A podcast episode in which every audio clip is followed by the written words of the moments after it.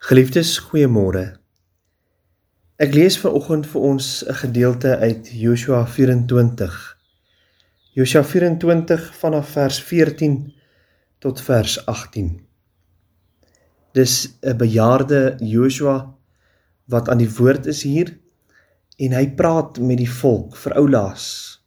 Hy weet sy tyd is min en in hierdie gedeelte roep hy hulle op tot nuwe toewyding, nuwe diens aan hulle God aan ons God.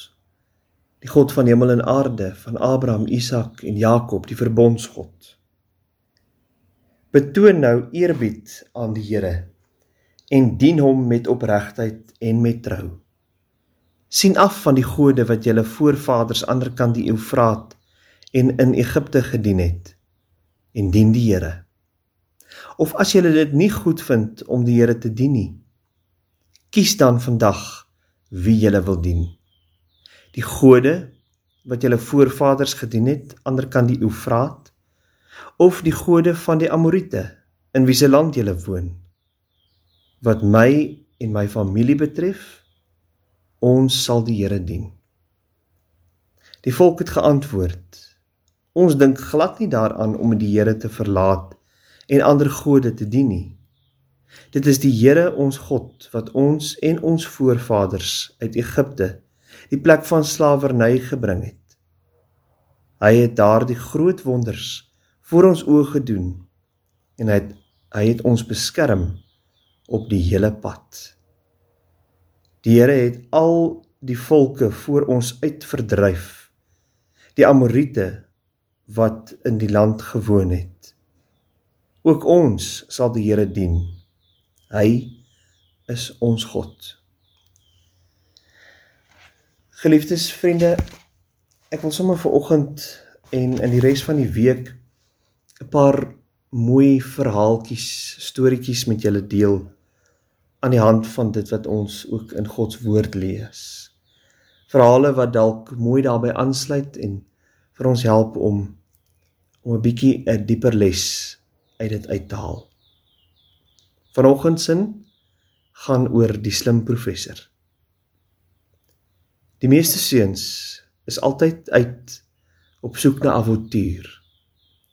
Dit is goggas vang en voeltjies skiet en boomhuise bou. Heinrich en Karel was juis besig om in die veld skoenlappers te vang toe professor Berner met sy daaglikse wandeling op hulle afkom. Almal ken die slim professor.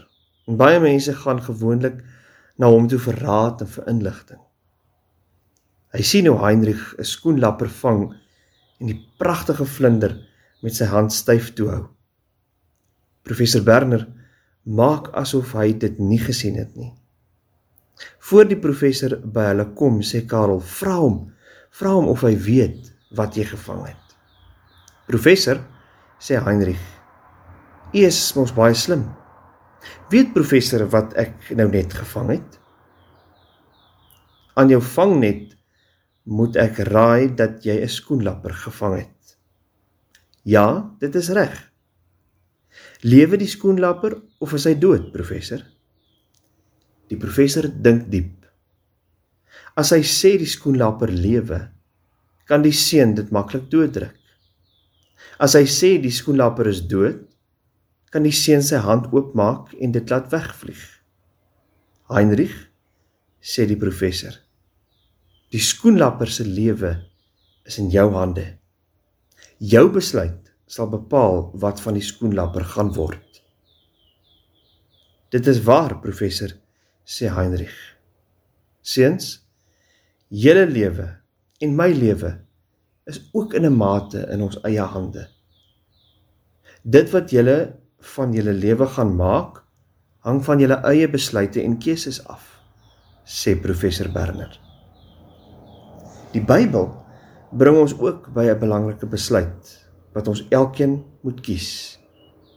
Toe Josua voor die volk gestaan het, het hy ook vir hulle gesê: "Kies dan vandag wie julle wil dien." Maar wat my en my familie betref, ons sal die Here dien. Josua 24 vers 15. Liewe vriende, kies reg. Die res van jou lewe hang daarvan af. Kom ons bid saam. Here ons Here. Baie dankie vir 'n nuwe dag wat aanbreek. Vir die voeltjies wat sing. Vir die sonlig wat deurkom. Here ons wil U dank en loof vir die skepping waarvan ons deel is en wat ons elke dag kan ervaar en waardeer. Dankie vir die nuwe week wat voorlê. En gee Here dat ons in hierdie week soos wat hierdie professor vir hierdie twee jong seuns geleer het. Soos Joshua ons ook leer. Help ons om in hierdie week te kies. Te kies om U te dien.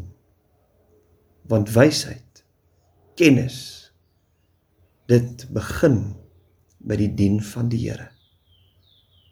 In Jesus naam alleen bid ons dit. Amen.